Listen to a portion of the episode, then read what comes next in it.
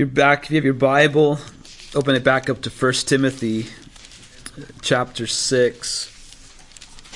We're going to be looking at uh, the next section of this exhortation to Timothy as a man of God, but, you know, we can take it to heart. We can take it that God's speaking to us um, by His Spirit and that He wants us to not only flee but to follow.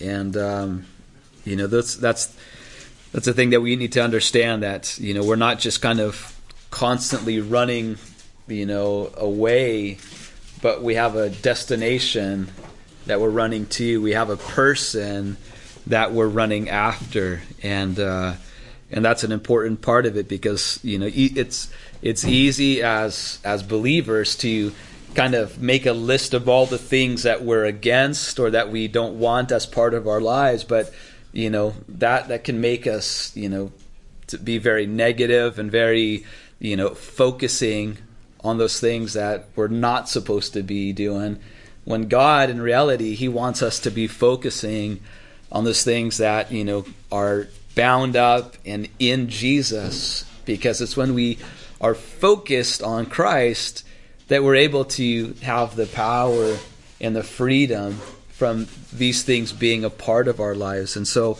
um, you know, that it's a it's a important aspect of our walks with God that we understand that we're not only running from, but we're running to. And you know, Taco kind of you know took part of my message this morning, um, you know, but it's okay, you know.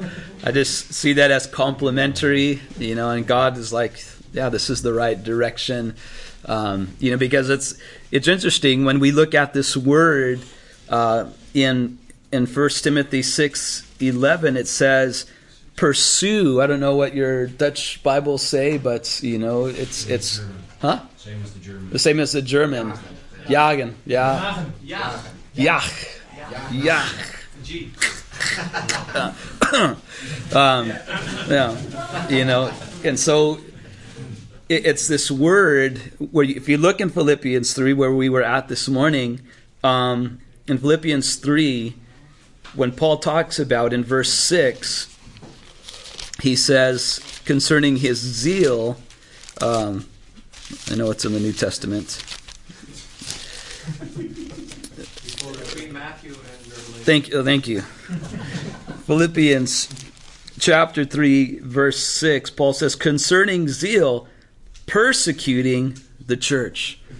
That's the same word as as pursue or follow. And we know that, you know, Paul was he was hunting, you know, this this sect of Judaism that he thought, you know, was was was, you know, blasphemous, that was, you know, wrong, and he wanted to destroy it. And and we see the lengths that Paul went to. I mean, you know, I mean, he he got these you know these papers from the authorities to head to Damascus, and he tells us in his in his letters that you know he was throwing men and women into prison. You know that he was standing there approving while they were being you know persecuted or, or put to death, and you know he was committed to seeing this thing through to the end. You know, and that's that word, that word yak you know. But but but notice something else. In verse 12 of chapter 3 says not that I've already attained already perfected but I press on that I may lay hold of that for which Christ Jesus also laid hold of me. This word I press on is the same word or follow after. This is the same word as persecute. It's the same Greek word there. And then later on in verse 14 where he says, I press toward the goal of the prize of the upward call of God in Christ Jesus. Press toward is also the same Greek word as persecute, follow after, and press on. So that's, you know, when Paul says, Timothy, I want you to pursue these things, then and it's then this is the attitude of pressing toward them, of following after, of pursuing of you know in the german or the the dutch you know has this idea of of hunting right a, a jaeger you know that that hunts that's that's you know that's what he wants. He, that's the goal that he's reaching for. And so Paul says, as Christians, you know, we need to be goal oriented people. We need to have goals, you know, and sometimes, you know, it depends on your, you know, your personality. Some people, you know, they're, they're very driven, you know, just kind of how they, you know, as a kid, they were always, you know, wanting to be the best at everything, you know, do do everything to their best ability. And there's other, you know, other of us that were kind of lazy. We didn't really have any much goals. You know, we didn't want to. You know, we just kind of did the bare minimum of everything. You know, just just tell me how little I have to do, and I'll do that. You know, not anymore. And so, you know, some of it has to has to do with kind of like our our personalities. You know, some of us are, are very you know driven people, and some of us are very you know, kind of not driven people, you know. But when we come to Christ, it's not a, you know, it's not a recommendation, it's not a suggestion, it's an exhortation of Scripture. It's something that we're called to do. If we're going to be men of God, we need to flee. We also need to follow. We need to have something that we're setting our sights on, that when we wake up in the morning, we're saying, This is my goal. This is what I'm living for. This is why I'm doing what I'm doing, and this is gonna this is gonna inform how I do what I do, and and this is where we come, you know, to this verse about pursuing hard. I would say following hard after. First thing in the list is righteousness, and righteousness, you know, has to do with you know the word you know, is, is made up of this word right, right? It's being right with God and right with man. And when, when we're right with God, you know, then we can be right with people. We can have this righteousness that does the right thing, that does the thing that we see in God, that we see commanded from God, and then we do that thing that God tells us to do. We're to follow that. That's that's that that personal integrity to seek to do what God declares is right toward our fellow man and especially towards our brothers and our sisters, you know, in Christ. And uh, you know, it's it's really amazing when you read the New Testament, uh, you know, or the the the epistles.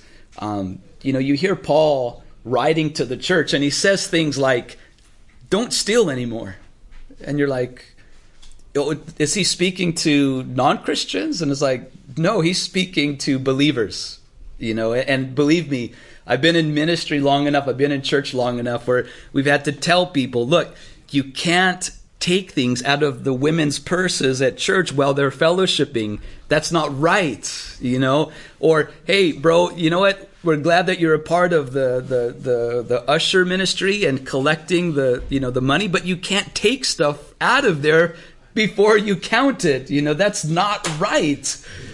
That's not righteous. To steal from God and his people is not right. You know, you need to pursue what is right before God and before man. We have to tell people, you know what? Sleeping around with girls in the church is not right.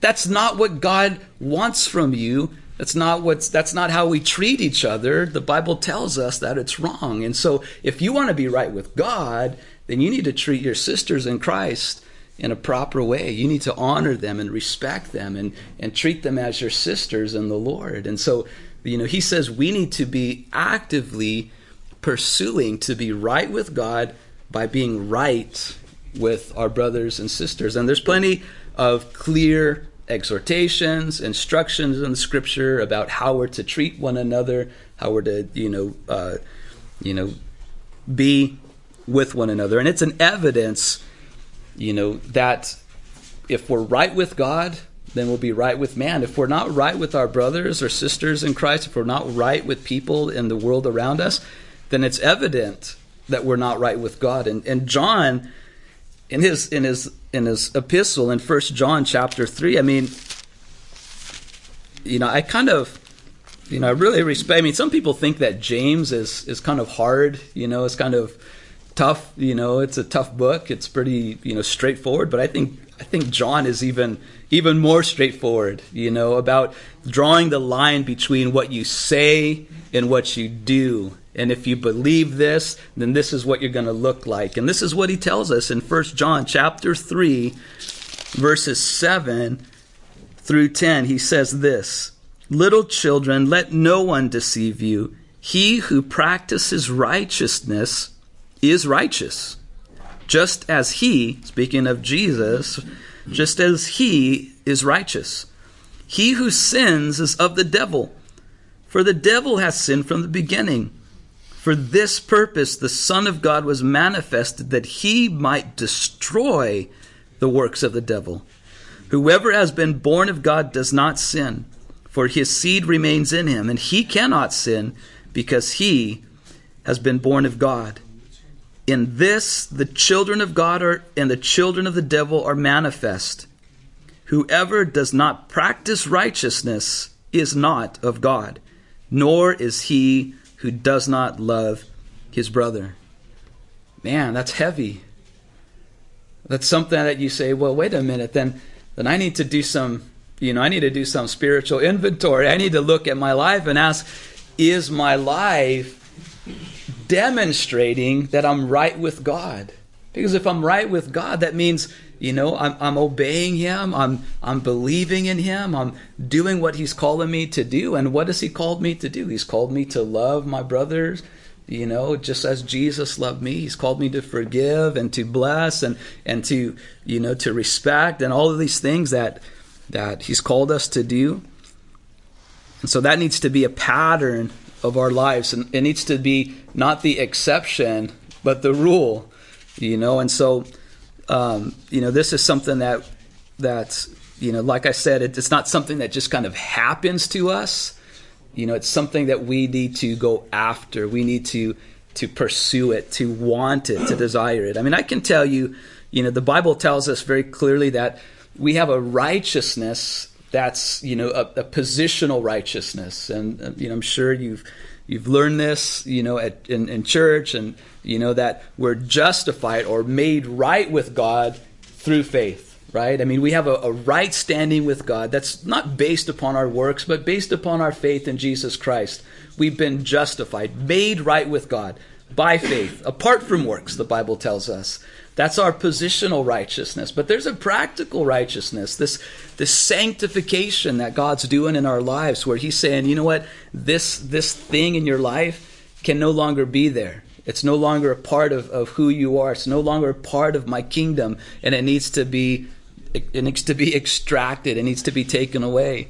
Ferry and I were we were just talking a few minutes ago about how you know sometimes we allow culture to kind of excuse our sin. You know, sometimes you know maybe a uh, you know, an Irish person, you know, they can say, hey, you know what, uh, you know, I get angry, but, you know, it's because I'm Irish, you know, or whatever the thing is, you know, or whatever culture can say, you know what, that's just how we are. That's just what we do, you know. We're Germans. We drink beer, you know, until we're flat on our ground, the ground, you know, and, and, you know, it's like, no, you know what? You're, we're Christians first we belong to a new kingdom that has a new culture. We don't treat women like that. We don't treat, you know, these things in that way. We don't do those things because you know what? We belong to a new kingdom. We're a new nation. We're a holy people. We've been separated unto God. And so now we're pursuing the things that that are in accordance to righteousness.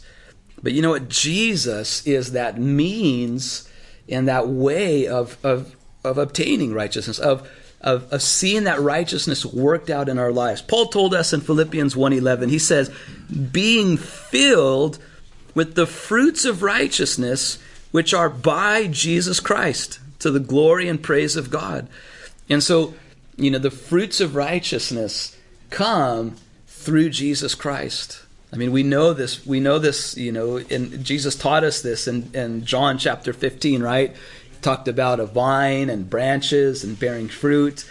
He says, as long as you're plugged in, as you're connected to the vine, you know what? Those branches, the, the life of the vine is going to flow into the branches and it's going to produce fruit. And that fruit's going to be because the life of the of the vine is coming is flowing in and producing the fruit out of that that life. And so when we stay connected to Jesus through faith, hearing his word, you know, praying and seeking him, you know what? Those things are going to happen. And that's one thing that I, I experienced in my life. I saw that so radical. You know, I was telling you guys about as a, as a young guy, I mean, I got saved when I was, you know, 17 years old and I grew up in the church, but you know my heart was wicked, and you know my relationships were you know pretty much everything was you know focused on me, and and you know I was pretty self-centered and prideful, and uh, you know so I thought you know as a as a Southern Californian and skateboarding that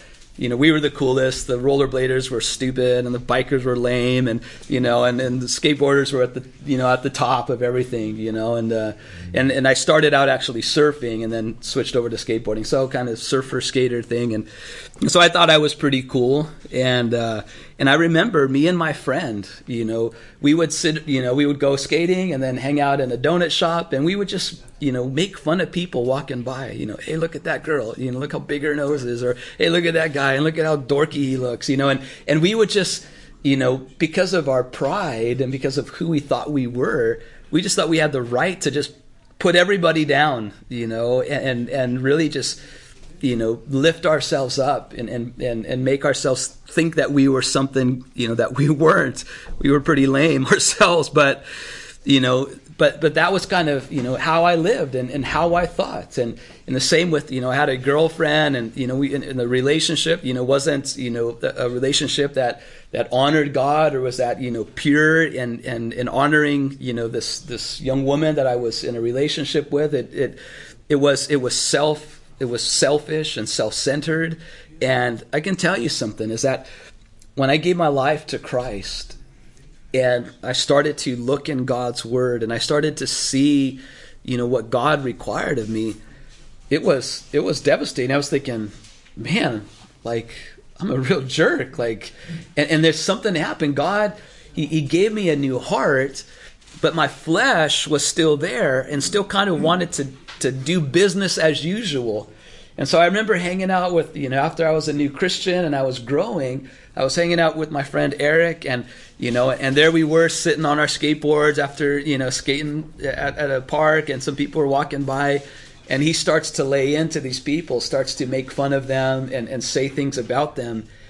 And I just felt something I never felt before. I felt ashamed and I felt, I felt terrible. I thought, dude, we, this is, this is wrong. Like, we don't even know these people, and, and they they're probably probably good people, and you know, look, who are we like to to be judging them? And and he looked at me and he's like, who are you? Like, what happened to you? You know, and I like, I don't know what happened. Something's something's different. You know, I can't do this anymore.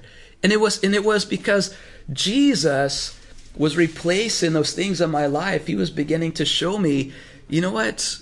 You know, I've I've commissioned you to love people and not to you know not to put them down and to judge them and to push them away. And so that's kind of you know those practical fruits of righteousness that come by Jesus Christ you know. I I I couldn't claim that as something that you know I just said you know what? From now on I'm going to start loving people. It wasn't it wasn't me. It was something that Jesus began to change in me as he came into my life. And that's what he wants to do in each of our lives as we pursue righteousness. And the next thing is godliness. Godliness is practical piety, it's living out what we've seen and been taught uh, in the life of Christ. It's, it's trying to be, you know, like the word says, godly, like God. You know, God is righteous and God is good and God has these, you know, these attributes about him that we want to emulate and, and follow after. And so that's something that needs to be in our sights, you know, not just on Sunday, you know, but every day of the week. You know, of course, you know, we talk about putting on our Sunday best, you know, and uh, we tell our kids, you know, we our kids get ready, we're trying to make breakfast and I'm, you know, finishing up my, you know, printing my notes or doing whatever, and we tell the kids, "All right, you guys go get dressed." And they come down with, you know, jeans that have like massive holes in the knees and like a dirty shirt that they've been wearing for two days in a row. And we're like, no, no, no, no, no, no. go put on a go put on a button shirt, you know, put on some clean pants and you know, comb your hair, brush your teeth. You know, we're going to church, you know, and and and that's something that, you know, we should have a, you know, we should honor the Lord when we when we, you know, go to the to to the Lord's house, but but the thing is, you know, sometimes for us as well, we can kind of put on our Sunday best, you know. All right, you know, I'm going to church, and so I'm going to act differently than I act, you know, Monday through Friday or Monday through Saturday. I'm going to put on a spirituality that I don't carry with me in the week, but I'm going to put it on for Sunday, you know. And, and it's like, I'm going to put it on for God. And the Lord's like, you know what? If you're not going to put it on, you know, Monday and Tuesday and Wednesday, you know, why put it on at all? You know, eh, this is something that we need to put on and pursue is godliness. Paul told Timothy in 1 Timothy chapter 4, just the next page over, maybe in your Bible. 1 Timothy 4, verses 7 through 8. He says, But reject profane and old wives' fables, and exercise yourself toward godliness. For bodily exercise profits a little, but godliness is profitable for all things having promise of the life that now is and of that which is to come. And so Paul tells Timothy, I want you to exercise yourself towards godliness. You know, and Taco kind of hit on this this morning about, you know, if, you know, if you want to exercise yourself, you need to have a you know you need to have a plan and a purpose. I I went to the gym for the first time a, a few weeks ago. Um, we have a young man from our church who's staying with us because he's doing an internship in our city, and uh, you know, and he's a he's a he's a fit guy. He plays soccer and goes to the gym. And he said, "Hey, you want to come with me?" And it's like, "Sure, why not?" You know, and I get in there, you know, and I've never you know I've never been into one of these you know fitness studio places and I mean, and there's you know all these like contraptions and you know looks look like a looks like a medieval torture chamber. You know, I mean, there's all these things, and I'm thinking, what do you do with this? Like, I don't even know what do you do with that thing. It's in, and you know, and he had to show me, okay, look, we're gonna go here, and you're gonna do, you know, five of these, and you're gonna rest for a second, and you're gonna do ten of these, and you know, and he and, and he gave me, you know, some guidelines. Here's how you're gonna do it, you know, step by step, step by step, and you know, and of course, you know, the whole week I felt like I got run over by a truck. You know, it was terrible, but you know, I mean, that's how we, you know, we want to do physical exercise. We need some guidance, we need some moderation, we need a plan on how we're going to accomplish that. And you know, and so Paul says, "Hey, you know what? Christian, Timothy, brother, you know, exercise yourself towards godliness. You know, do you have a plan? Do you, you know, are you evaluating you know, where is my weakness? You know, what do I need to build up? You know, is it my lower back? Is it my upper, you know, uh, part of my body? You know, is it my, my legs? What, what do I want to strengthen? And what needs to be worked out, you know, and so I'm gonna I'm gonna concentrate on that. I'm gonna work on that. But a lot of times Christians, you know, we kind of just, you know, we're like aimless. We don't have any idea about where our spiritual weaknesses are, where our spiritual strengths are. We don't know what things we need to build up, how to build them up, what to do. And so we remain weak. We, we remain weak in regards to godliness. And, and the Bible, you know, tells us that we're to pursue righteousness, pursue godliness, and pursue faith. Faith is something that, you know, that needs to be pursued, that needs to be sought after. And and of course, you know, we you know, we would all say here that we we have faith, you know, and we put faith in Jesus Christ, you know, and so that was kind of that initial you know thing that that happened and, and happened to us and you know we're thankful that we've come into a relationship with God through Jesus but you know Taco you know he, he, he mentioned that you know Paul you know, he, he had that experience on the road to Damascus. You know, he came to faith in Jesus, but that wasn't the end, right? That was the beginning. That was where things just started getting good, you know, and, and for some of us, you know, we can we can kind of rest on our past, you know, conversion experience. You know what? You, you talk to people, you know, and they're telling you their testimony, and they're like, yeah, 30 years ago, you know, I got saved and filled with the Spirit. And you're like, hey, well, that's great. You know, what's happening now? Oh, you know, I mean, I really don't have a lot of time, you know, nowadays. And, you know, and they start talking and giving excuses. And you say, well, you know what? Hey, praise the Lord for that experience 30 years ago. Praise the Lord that you happened.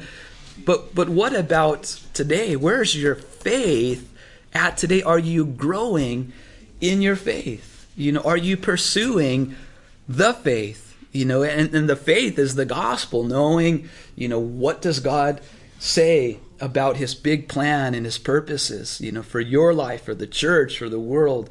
These are things that, you know, we can only grow in them by being in the Word of God, by being in fellowship with other people. The Bible tells us in Romans chapter 10, verse 17, that faith comes by hearing, and hearing by the word of Christ. And so don't think you're going to grow in faith unless you're in the Word of God. The Word of God equips our faith, it strengthens our faith. And so if you are going to pursue faith, then you need to be pursuing knowing God's Word and knowing God's will. Because listen, this is where faith is like that muscle that's that's that's you know built up and worked out you read something in the bible and you can either just say yep and then close the video close it and then walk away with no changes or you can read the bible and say wow this requires me to do something. This requires me to believe something. This requires me to change something. This is where the Bible takes us to the point of having to enact our faith, exercise our faith, put our faith in God and in the thing God's calling us to do.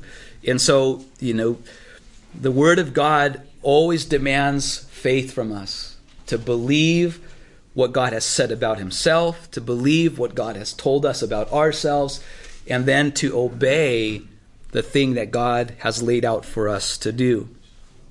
And the great thing that God has called us to do is the next thing in 1 Timothy 6 is love. Love this this word agapeo, this word agape, this this word that you know that Jesus kind of you know defined you know you know, kind of put the, it's kind of like, you know, there was like a, a box and we're like, okay, this is love. And Jesus, you know, filled it and said, you know, this is what this is. This is what this word means. When in John chapter 13, he says, a new commandment I give to you, that you love one another. Right? I mean, up until that point, it really wasn't new because in Leviticus, there was already the command that you love your neighbor as yourself.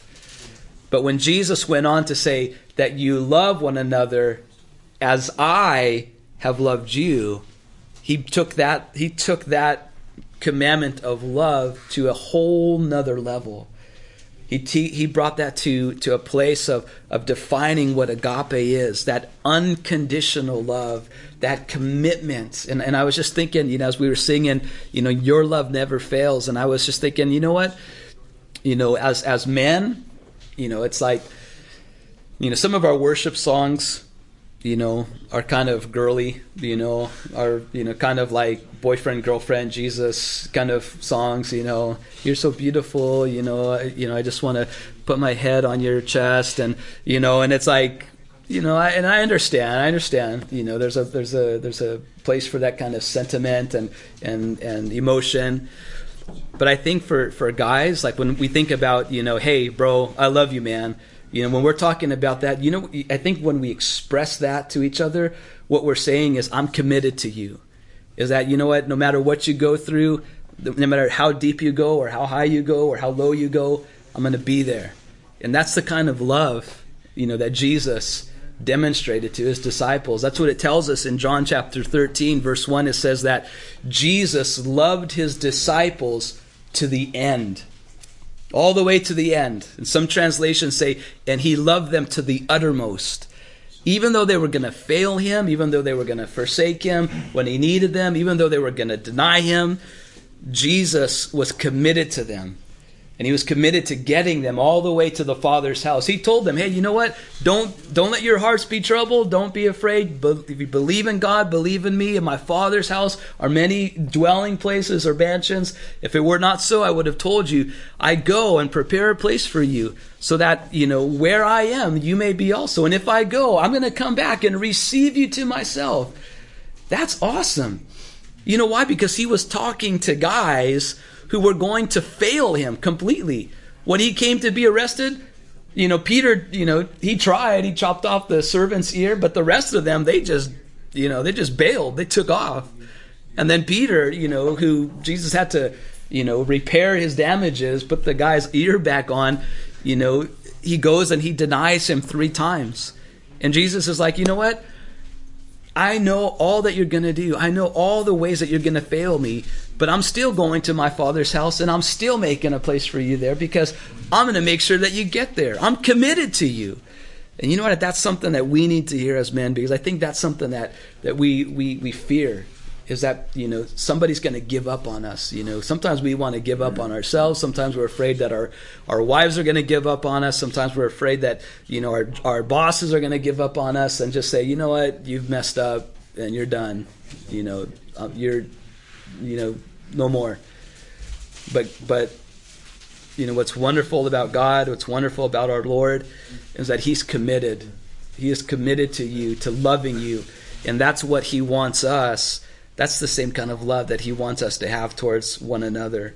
It's like, you know what, bro? I know you're going to mess up. I know you're not going to do the right thing, say the right thing all the time. But you know what? I'm going to love you anyways. I'm going to be committed to seeing you through this. We're going to get that, through this together. And that's the kind of love that Jesus wants the church to, to exemplify. But unfortunately, you know, we've seen, you know, and it's been said many times before is that, you know, the Christians are, you know, one of the only people that shoot their wounded. You know, you got it. You got a brother who, you know, falls and, and gets into porn or commits idolatry, adultery, and you know whatever. And it's like, you know, the church turns against that guy and you know shuns him and condemns him and, and kicks him out. And instead of, you know, the Bible tells us in Galatians six you know, verse 1, it says, If anyone is overtaken in a trespass, you who are spiritual, restore that one in a spirit of meekness and gentleness, considering yourself, lest you also be tempted. You know, somehow, somehow when brothers fall, we think, you know, it's our job, you know, to, to make it heavier than it already is, instead of reaching out and saying, you know what, bro, you know, but by the grace of God, I would be in that same place. And you know what? I'm going to be here for you. And we're going to get you through this. And we're going to see you get back on your feet. And we're going to see you get back into what God's called you to. We're not going to let the devil have the last word in this situation. And so, you know, that's the kind of love that we need to be pursuing and asking God, God, you know, my heart, the capacity there is so small. You know, it's so limited. But if you could expand that, you know, broaden the capacity and the depth of my heart to hold more of your love so that I have more love to give to the people that you put around me. And one of the things that we need to learn about God's love is that we can only give what we have. You know, we can't give what we don't have. And so if you haven't received God's love for yourself, if you don't know the love of Jesus for your own heart and your own life, then you're not going to be able to extend that to other people. You know, and so the thing that the Bible tells us in First John, it tells us we love because he first loved, right? I mean, we love because he first loved us. You know, and so the thing is, it sounds kind of, you know, kind of new agey, kind of whatever or whatever. It's like, you know, I'm not saying love yourself. I'm saying let God love on you. Let Jesus love on you. Receive his love in a greater capacity. Ask him, God, just convince my my stubborn heart. You know, I, I know that you love me, but I but I don't know that how much you love me. You know, I, I think I know how much you love me, but I am I, I just know that I don't know how much you love me. That's why Paul prayed, you know. He prayed that the church would know the love of Christ that surpasses knowledge. He says, you know, do you think the church didn't know that Jesus loved them? Of course they knew that Jesus loved them. It's why he died for them. But he says, I want you to know that love. I want you to know the depth, the height, the width, the length of that love that surpasses understanding. And that's something that, you know, as a as a believer, as a brother, you know, that's something that we need to pursue is God, I want to know your love because as the more that I know it, the more that I experience it in my own life, the more I'm going to be able to to deal it out and give it out to the people around me that are broken and needing that love. And so pursuing love is very very important. And he goes on to say patience. Patience carries this idea of endurance, sticking through uh, when the times get hard. Um, you know, and this is something that Christians, you know, we need to pursue. We need to pursue it. I mean, sometimes you know, patience is something that, you know, we we don't nobody wants to pray for it, you know, because we're thinking like if we say God help me to be patient, then He's gonna, you know, give us some major trial, and you know, and and uh, you know, but patience is, uh, you know, we say it's a virtue. It is, you know, this ability to endure, to hold on, you know, and that's something that you see in the church today. You know, there's Christians that you know they're they're they respond to a gospel that says if you just come to Jesus, everything's going to be, you know, flowers and unicorns, you know, or whatever, marshmallows and unicorns, you know.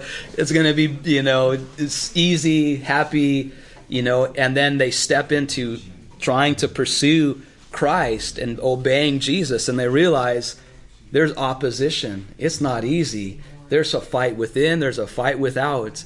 And if you don't have if you're not pursuing patience, endurance, steadfastness, then you're going to give up and you're going to be on the sidelines and you're not going to experience the things that God has called you to and wants to do in your life. And the lastly, it's meekness. Meekness is not weakness, right? Meekness is power under control. I mean, and, and this is something that, that you know, that um, you know, I mean, sometimes in some cultures, you know, we, you know, in Mexican culture, you know, this uh, machismo, you know, this macho man kind of a thing is, you know, you know, I don't go to church. I'm I'm I'm a man. You know, that's for the that's for the women. You know, and it's kind of looked at as yeah, you know, want to be a macho man. You know, but that's you know that's nonsense. Meekness is to have that power under control, and this is you know when we put all of these things together, basically what Paul is telling Timothy is he's telling him, I want you to pursue Jesus. Jesus is righteousness, godliness, faith, love, patience, meekness. All of that is found in him. You know, and so when we look to Jesus, when we focus on Jesus, when we you know, pursue Jesus, then we, you know, these are the fruits that come out of that. These are the results of seeking Jesus, who is altogether righteous, you know, did everything that pleased the Father, that was faithful to the end, that loved like no other, that demonstrated meekness to its greatest degree. You know, when you think about Jesus in the garden, when Judas came and the and the you know guys came to arrest him, um, you know, and Peter tried to defend him. Jesus said, "You know what? Don't you know that I can call, you know, whatever, you know, legions of angels to my defense? You know, that's like 36,000 angels, you know, that could have come at the at the snap of Jesus' finger." To, to, to just wipe out you know this little band of men who were going to try to arrest him and you know that's that's meekness you know, when Jesus allowed people to, you know, spit in his face, to crucify him on a cross, you know, that's meekness. And that's something that, you know, God will enable us to do as we look unto the Lord, as we look unto Jesus. We're almost done here, but um, it tells us in Second Timothy a similar exhortation as we find in 1 Timothy chapter 6. Paul tells Timothy, Flee also youthful lust, but pursue righteousness, faith, love, and peace with those who call on the Lord out of a pure heart. And so this tells me something about this pursuing, about this, you know, yag thing that we're supposed to be doing is that we don't have to do it alone. That we're actually exhorted to do it with those who called on the Lord out of a pure heart. And so we can, you know, we can run together. We can pursue these things together. We can encourage one another in our pursuits, in not giving up on the things that God has called us to do. You know, I thank God for the for the examples that He's put in my life of people that have been faithful ministers of the gospel. You know, my pastor Jack uh, back in Chino Hills, you know, Pastor Chuck, who you know was faithful to you know to to serve unto his to his last breath. You know, my own father, you know, who I've seen come out of you know from a, a life of drugs and gangs to you know becoming you know my dad's my dad's dad was was murdered when he was a kid, so he he grew up with no father. He grew up thinking you know a man you know he looked at his uncles as the as the definition of manhood, and his uncles were drinkers and fighters. And so his thing was, you know what? If that's what man, if that's what a man does, then that's what I'm going to do. You know, so he got, you know, he pursued a life of, you know, drugs and drinking and fighting.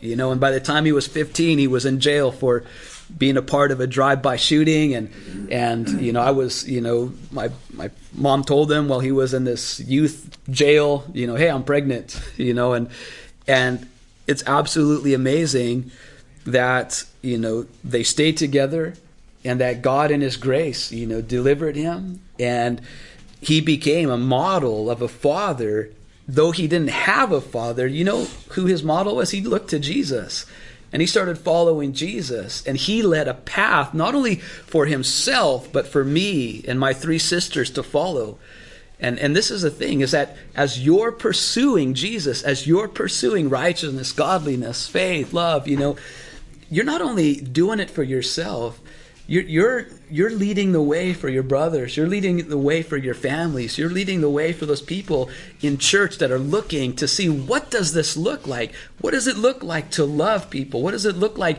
to pursue righteousness? What does it look like to be faithful and to persevere in the times of difficulty?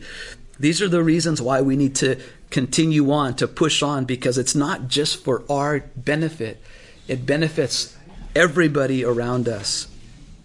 And so, one of the things I want us to do, and maybe this can be something helpful in our in our small groups, is you know just to take that spiritual inventory. You know, are we, you know, have we been passive, you know, about righteousness and godliness and faith and love and you know these things, or you know, are we pursuing those things? You know, are we exercising ourselves towards godliness? What are the influences in our life? You know, are is the world, you know, kind of influencing us or do we have godly men and godly people that we're looking to to be those positive and godly influences in our lives? We follow after things that we believe are valuable we follow after things that we believe worthy of our time, worthy of our efforts, worthy of our sacrifices. And so, you know, we need to ask ourselves, you know, what do I value the most? You know, is it my is it entertainment? Is it sports? Is it, you know, this? Is it that? you know what what do I value the most? Where do I put my most time, my most efforts, my you know where does my money go? You know what is you know what is that that I value because that's what I pursue. And so here's the thing is that we need to put Jesus, we need to value and ask God to help us see Jesus as the most valuable thing in our life. You know, God help me to see Jesus. Help me to see him for who he is, that that that treasure, that valuable thing, that I'm willing to abandon everything so that I might have him. And that's what Paul, you know, told us in Philippians 3. He says, I count everything as trash. He actually says, you know, as as poo poo, you know, he uses the word dung. He says, you know what? It's crap compared to Christ.